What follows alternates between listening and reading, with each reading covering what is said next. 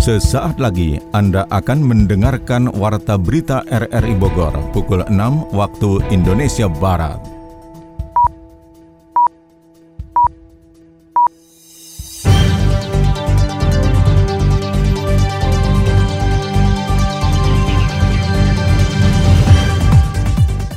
Selamat pagi. Saudara, Warta Berita Akhir Pekan RRI Bogor kami isi dengan rangkuman berita sepekan Minggu 6 Juni 2021. Siaran ini juga dapat Anda dengarkan melalui audio streaming RRI Play dan bisa juga Anda dengarkan kembali melalui podcast kami di Spotify, Anchor, Podtail, dan Google Podcast. Rangkuman berita sepekan RRI Bogor ini juga turut disiarkan Radio Tegar Beriman, Kabupaten Bogor. Bersama saya Mukhlis Abdillah, inilah rangkuman berita sepekan selengkapnya. Saudara rangkuman berita sepekan kita awali dari uji coba pembelajaran tatap muka PTM di Kota Bogor.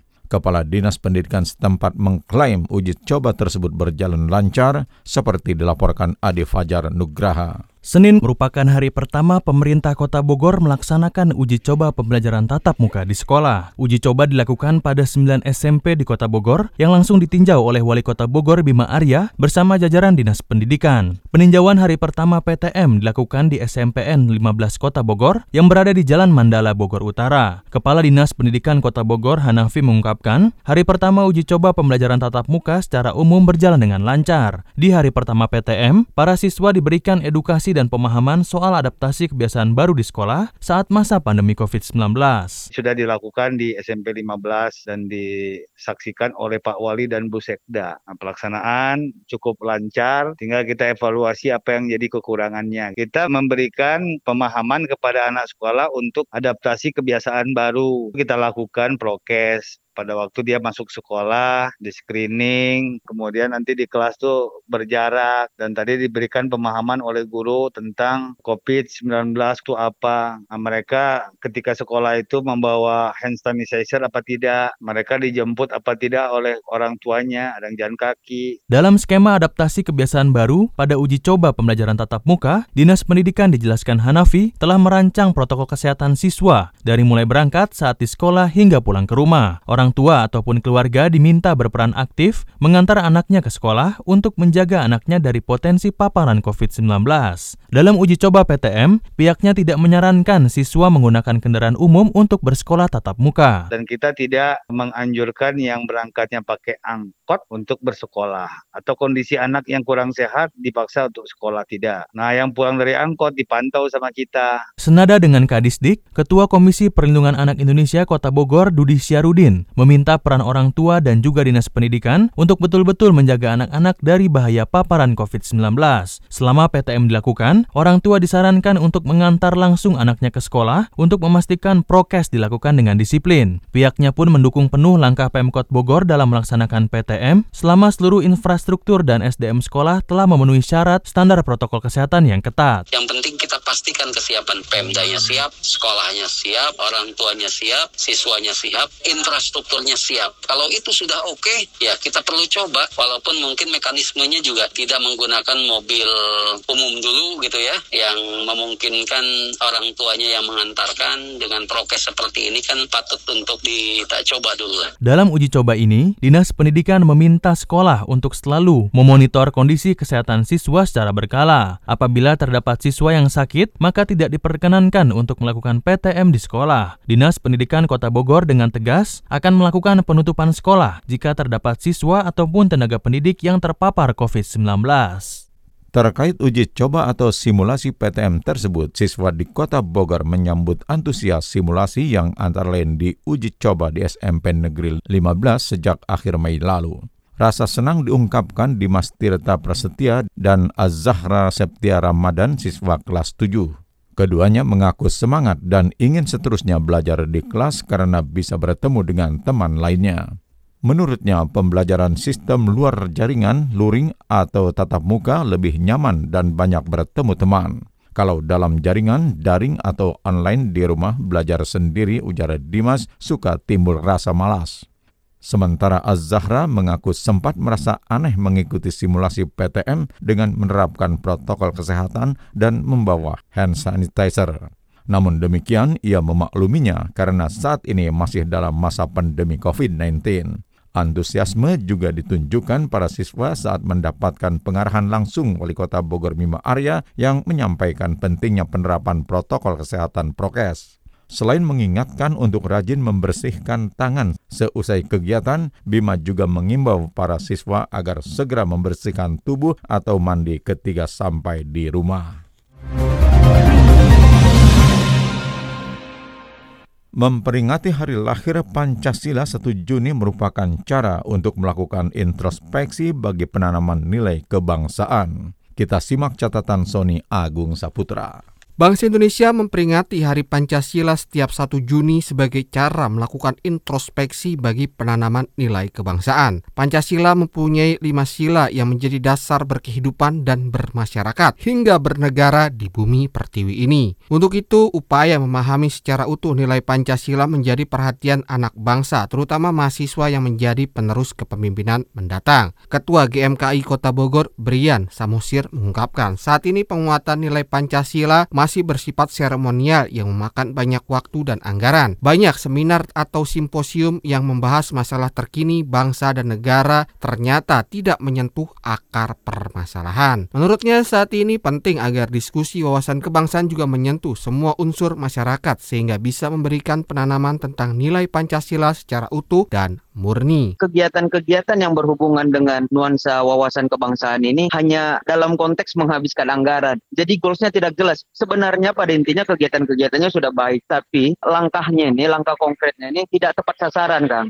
Maka dari itu konkretnya sebenarnya ayo kita evaluasi bersama gimana supaya kegiatan-kegiatan ini tidak buang-buang waktu dan tepat sasaran. Upaya menanamkan nilai Pancasila harus ada dalam dunia pendidikan baik formal atau informal dengan merasakan denyut perbedaan antar generasi dalam jenjang bangku pendidikan. Pemerintah Kota Bogor melalui Dinas Pendidikan Distrik setempat mulai mempersiapkan penerimaan peserta didik baru PPDB untuk tahun ajaran baru 2021-2022. Kepala Distrik Kota Bogor Hanafi mengatakan PPDB untuk PAUD dan TK, sekolah dasar serta SMP dilaksanakan melalui beberapa jalur secara daring atau online. Persiapannya sudah dilakukan salah satunya sosialisasi sejak 27 Mei hingga 6 Juni, baik melalui aparatur wilayah, media, maupun ke sekolah-sekolah. Dalam PPDB online, setiap tahun Pemkot Bogor bekerja sama dengan Telkom, di mana kuota peserta didik 90% diperuntukkan bagi warga kota Bogor, sisanya dari luar kota Bogor. Pendaftarannya sendiri bisa melalui daring dan untuk yang di luar jaringan bisa secara langsung. PPDB PAUD dan TK dilaksanakan mulai 7 hingga 9 Juni dan verifikasi pada tanggal dan bulan yang sama. Sedangkan pengumuman pada 11 Juni dan daftar ulang 14 hingga 15 Juni. PPDB SD dibagi dua tahap. Tahap pertama untuk peserta didik dari jalur afirmasi dan anak berkebutuhan khusus ABK. Tahap kedua, untuk jalur zonasi, pendaftaran dimulai pada 16 hingga 18 Juni dan langsung diverifikasi. Untuk pengumuman 19 Juni, sedangkan daftar ulang 21 dan 22 Juni. Pendaftaran SMP juga dilaksanakan melalui dua tahap. Tahap pertama untuk peserta didik dari jalur afirmasi dan anak berkebutuhan khusus ABK Tahap kedua khusus untuk jalur zonasi pada 6 hingga 9 Juli dan langsung diverifikasi. Pengesahan dan pelaporan 10 Juli, pengumuman 12 Juli, dan daftar ulang 13 dan 14 Juli. Untuk SMP tambahan Nafi, kuotanya hampir mirip dengan SD. Yang berbeda adalah untuk jalur afirmasi dan ABK sebesar 20 persen, jalur prestasi akademik dan prestasi non-akademik 23 persen, serta jalur zonasi sebesar 50 persen. Saya Yana Bima Arya, Ketua Tim Penggerak PKK Kota Bogor. Mari bersama RRI, Radio Tanggap Bencana COVID-19. Saya himbau seluruh warga Bogor untuk menggunakan masker tanpa terkecuali untuk memutus rantai penularan COVID-19.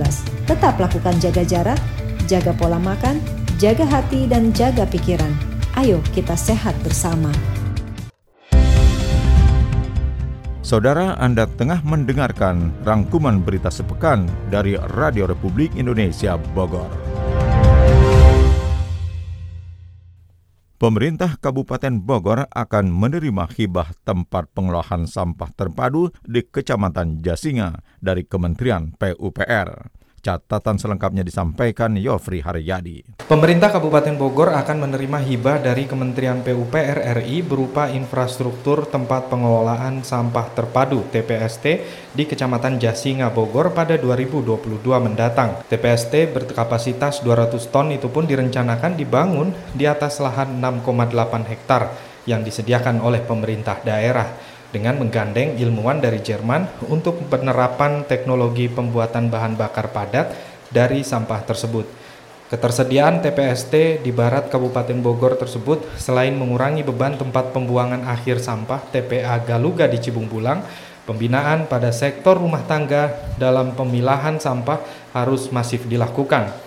Sekretaris Departemen Ekonomi dan Sumber Daya Lingkungan IPB University, Dr. Meti Ekayanti Eshud menambahkan pengelolaan sampah di negara maju sudah dipilah di tingkat rumah tangga. Sih kalau kalau eh, sebenarnya gini, kalau kedua kan harus bisa-bisa lagi sampahnya ya. Nah kalau di luar negeri kita lihat sampah itu dari rumah tangga tuh dari bisa-bisa. Ini organik, ini organik, ini kaca, seperti itu. Jadi tuh ketika dicampai di penampungan seperti Galuga itu udah terpisah gitu. Nah kalau di sini kan nggak di rumah dipisah-pisahin, tapi ketika diangkut sama truk campur lagi, di keluarga campur lagi. Sampah tidak hanya mencemari lingkungan, namun juga menjadi penyebab terjadinya bencana banjir di tengah pemukiman warga akibat sampah yang dibuang di aliran kali atau drainase menyumbat gorong-gorong dan menggenangi pemukiman warga saat hujan. Kepala Badan Penanggulangan Bencana Daerah Kabupaten Bogor Yani Hasan menjelaskan harus ada upaya bersama dalam menangani persoalan sampah di Kabupaten Bogor. Kalau sampah itu harus semua bareng-bareng, masyarakat juga harus karena kan nggak mungkin kita 24 jam ngeliatin oh masyarakat buang sampah kan kita nggak tahu.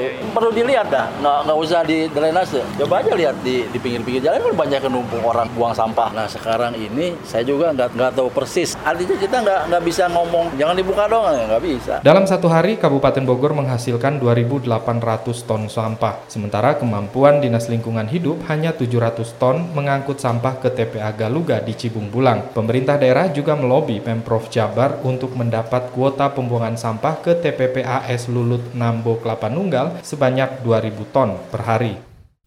Seorang nenek penjaga salah satu rumah di Kompleks Cikeas Country, Kecamatan Gunung Putri, Kabupaten Bogor, dikejutkan dengan hilangnya tiga ekor kura-kura peliharaan majikannya bernilai ratusan juta rupiah. Kura-kura jenis sulcata kepunyaan pemilik rumah tersebut berjumlah tujuh ekor. Akan tetapi, ukuran yang besar berdiameter 50 cm dengan berat 35 kg per ekor itu ditaruh di halaman luar rumah.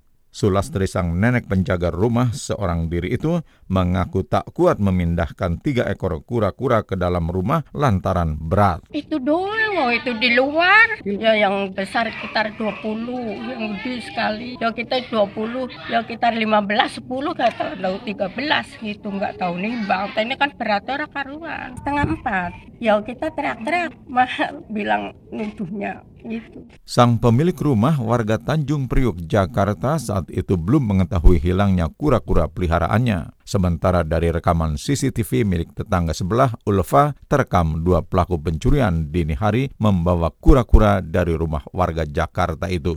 Si maling itu dua orang. Yang pertama itu badannya kecil-kecil pakai kupluk sama ransel, yang satu pakai topi, agak gede badannya pakai celana pendek. Ya, nanti bisa lihat di CCTV-nya. Mereka ngambil sama box-boxnya. Boxnya itu ada dua warna biru sama kuning. Nah info dari security kata boxnya itu satu ditinggal di sana warna biru. Nah terus katanya yang punyanya kura-kura ada satu lagi nih. Saya cari lagi kan rekamannya. Itu ada jam 3.47 dia ngelirik ke rumah saya sama ke rumah sebelah juga dari CCTV nah dia ke rumah sebelah juga itu buat ngambil karung. Nah di rumah sebelah itu ada karung isinya pasir jadi pasirnya dikeluarin. Gak tahu untuk masukin kura-kura nggak tahu buat apanya tapi dia ngambil yang terakhir itu tanpa box jadi cuma kura-kura aja. Kayaknya sih dia ngerasa ada CCTV tadinya tuh yang salah satu yang pakai topi itu dia nggak pakai masker. Pas ngeliat ada CCTV langsung dipakai maskernya Kasus tersebut ditangani aparat Polsek Gunung Putri untuk ditindaklanjuti. Tidak menutup kemungkinan aksi pencurian serupa juga dialami warga sekitar komplek perumahan tersebut.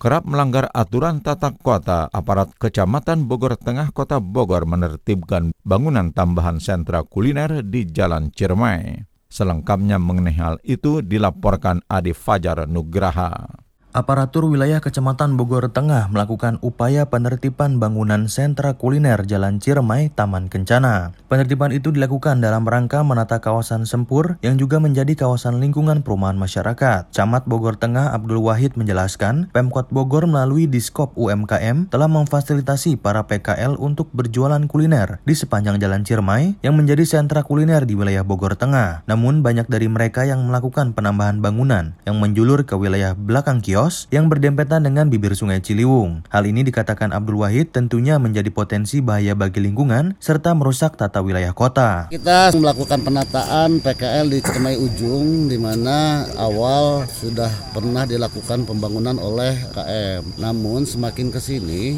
mereka melakukan penambahan-penambahan bangunan tanpa seizin aparat wilayah dan tanpa seizin UMKM. Sesuai aturan tidak boleh karena ini bangunan dari awal sudah diatur.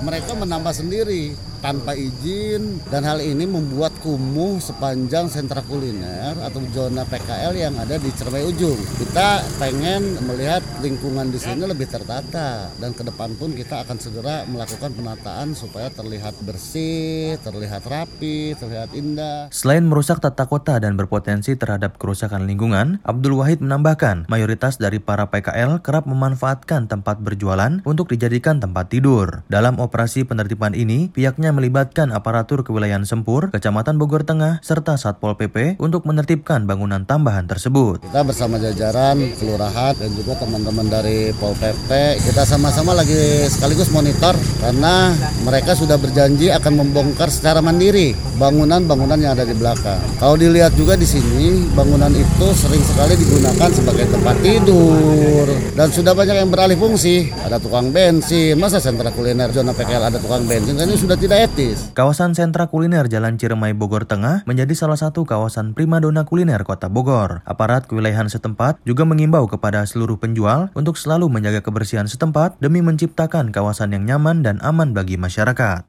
Sementara itu, 102 lapak liar PKL di Gunung Mas Puncak Bogor dibongkar Satpol PP. Ini untuk mengantisipasi menjamurnya kembali PKL di kawasan itu.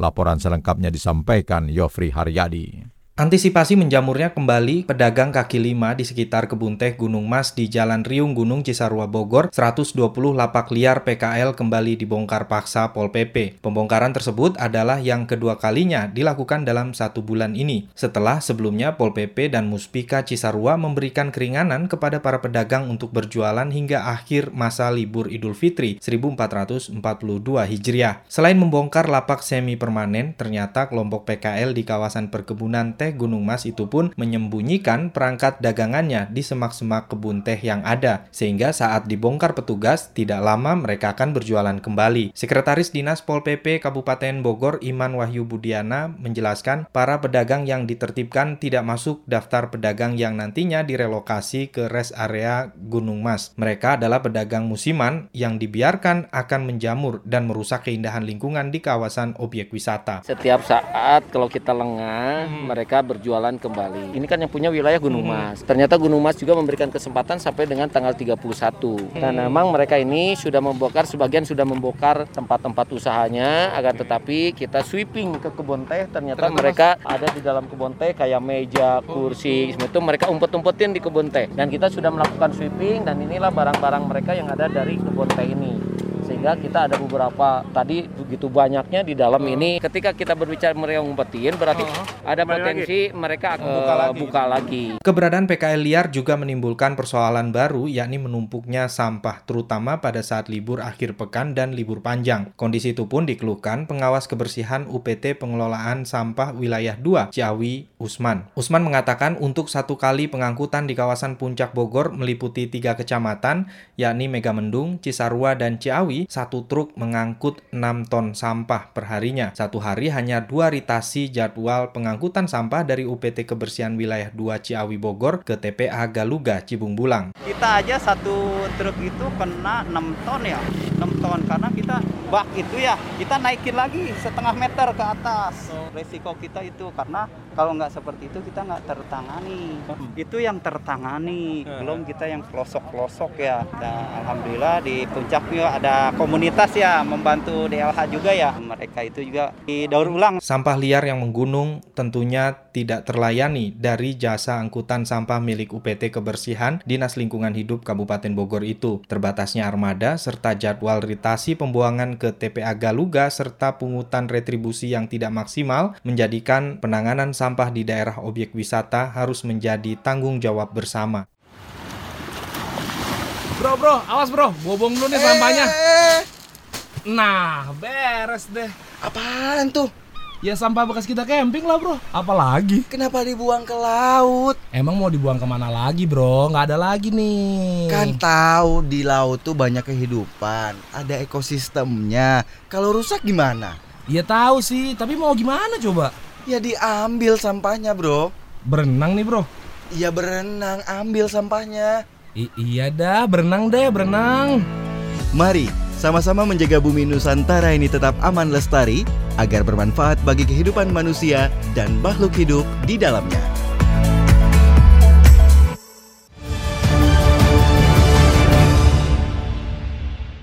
Badan Nasional Narkotika BNN Kota Bogor bersama Federalis Buiten Zorach menyerahkan petisi yang menyatakan perang terhadap narkoba kepada Wali Kota Bogor Bima Arya di Balai Kota 2 Juni lalu. Kasih Berantas BNN Kota Bogor AKP Dodi Rosyadi didampingi Sekjen Federalis Buiten Zorach Bayu Prabowo menyatakan petisi tersebut digagas BNN Provinsi Jawa Barat. Petisi tersebut ujar Dodi sebelumnya dibawa para gofeser keliling Jawa Barat akhir Mei lalu dalam rangkaian pra Hari Anti Narkotika Internasional 26 Juni mendatang. Salah satu isi petisi adalah bentuk kerjasama seluruh elemen masyarakat dan seluruh pihak terkait bersama-sama memerangi narkoba. Menurutnya, saat ini peredaran narkoba sudah sangat maju seiring perkembangan teknologi informasi dan tren, salah satunya melalui medsos. Namun demikian, BNN mampu mengimbangi dengan mengikuti tren yang ada sehingga dapat mengetahui peredaran barang haram tersebut. Pihaknya berharap Pemkot Bogor bersama-sama membangun kelurahan bersih dari narkoba atau kelurahan bersinar kelurahan dipilih tambah Dodi karena elemen masyarakat di tingkat wilayah itulah yang paling kuat untuk menjaga penyebaran dan penyalahgunaan narkoba. Hari Jadi Bogor yang ke-539 menjadi refleksi untuk melawan COVID-19. Sony Agung Saputra menurunkan catatannya.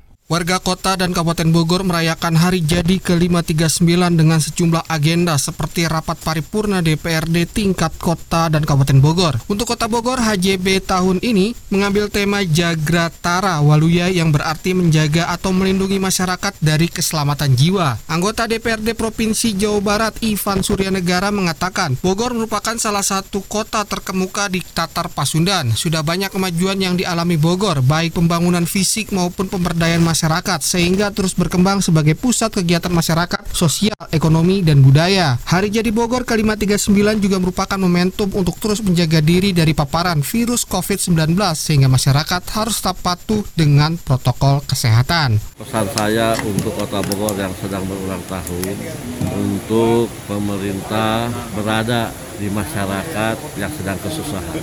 Keberadaan dan adanya pemerintah di masyarakat yang sedang susah tentu pasti akan menaikkan moral daripada masyarakat itu sendiri. Dan untuk masyarakat juga ikuti prokes aturan-aturan yang ada tentang COVID-19.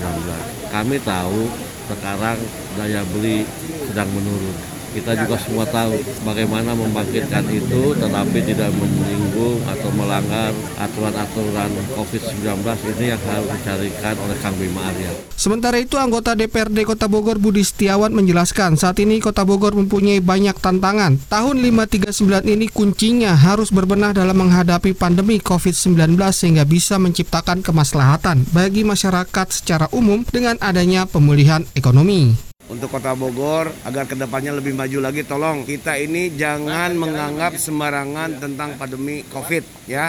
Tolong kepada masyarakat Kota Bogor harap berhati-hati dan selalu terus menjaga kesehatan masing-masing di antaranya tetap apa memenuhi aturan prokes yang sudah diterapkan. Yang kedua, agar mari kita sama-sama masyarakat juga menjaga kebersihan tentunya karena banyak kali-kali sungai-sungai yang tersumbat karena sampah. Dalam hari jadi Bogor ke-539 ini masyarakat juga menyambut antusias. Terlihat dari spanduk dan umbul-umbul di beberapa sudut kota. Masyarakat harus tetap memperhatikan protokol kesehatan seperti memakai masker dan menjaga jarak. Menteri Kesehatan Budi Gunadi Sadikin meninjau vaksinasi dengan sasaran penyandang disabilitas mental atau orang dengan gangguan jiwa ODGJ di Rumah Sakit Marzuki Mahdi RSMM 1 Juni lalu.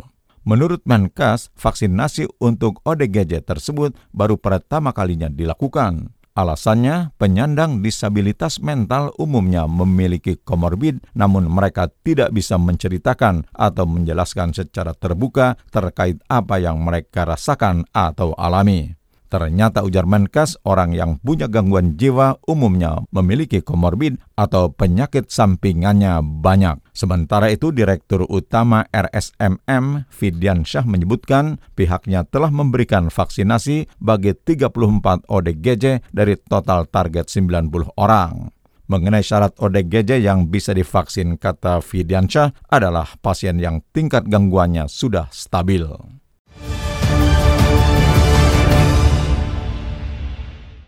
Perkembangan olahraga dan sport di Kabupaten Bogor cukup pesat. Catatan olahraga tersebut selengkapnya disampaikan R.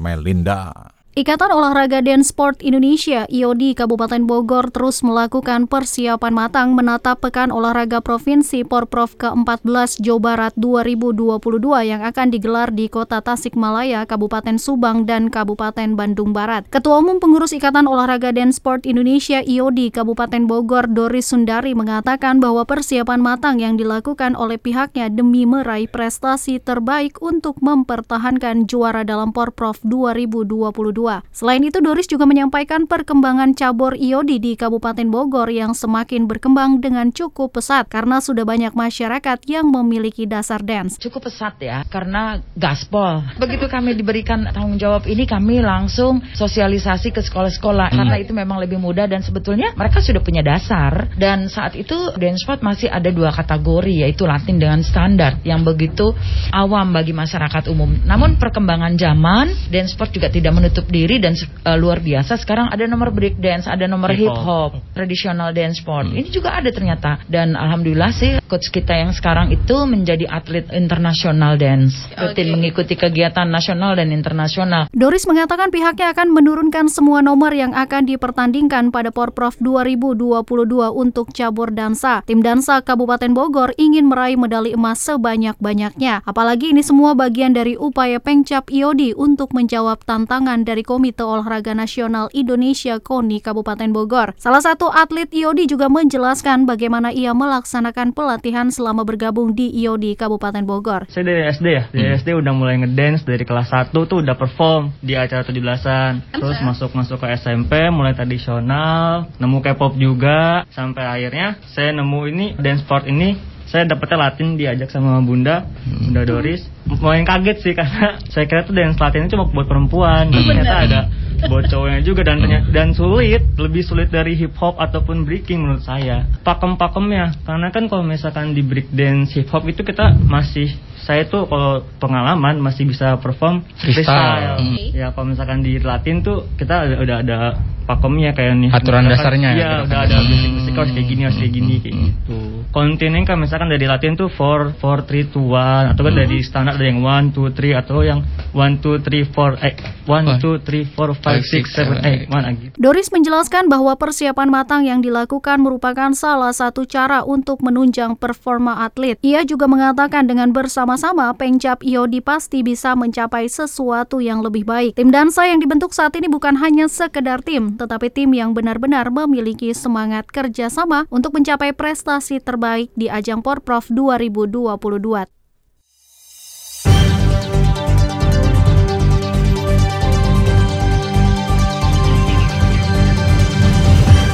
Saudara, demikian rangkuman berita sepekan dari RRI Bogor. Siaran ini dapat Anda dengarkan kembali melalui podcast kami di Spotify, Anchor, Podtail, dan Google Podcast. Saya Mukhlis Abdillah merangkap Des Editor bersama penata teknik Mahdi Nur mengucapkan terima kasih atas kebersamaan Anda. Selamat pagi dan selamat berakhir pekan.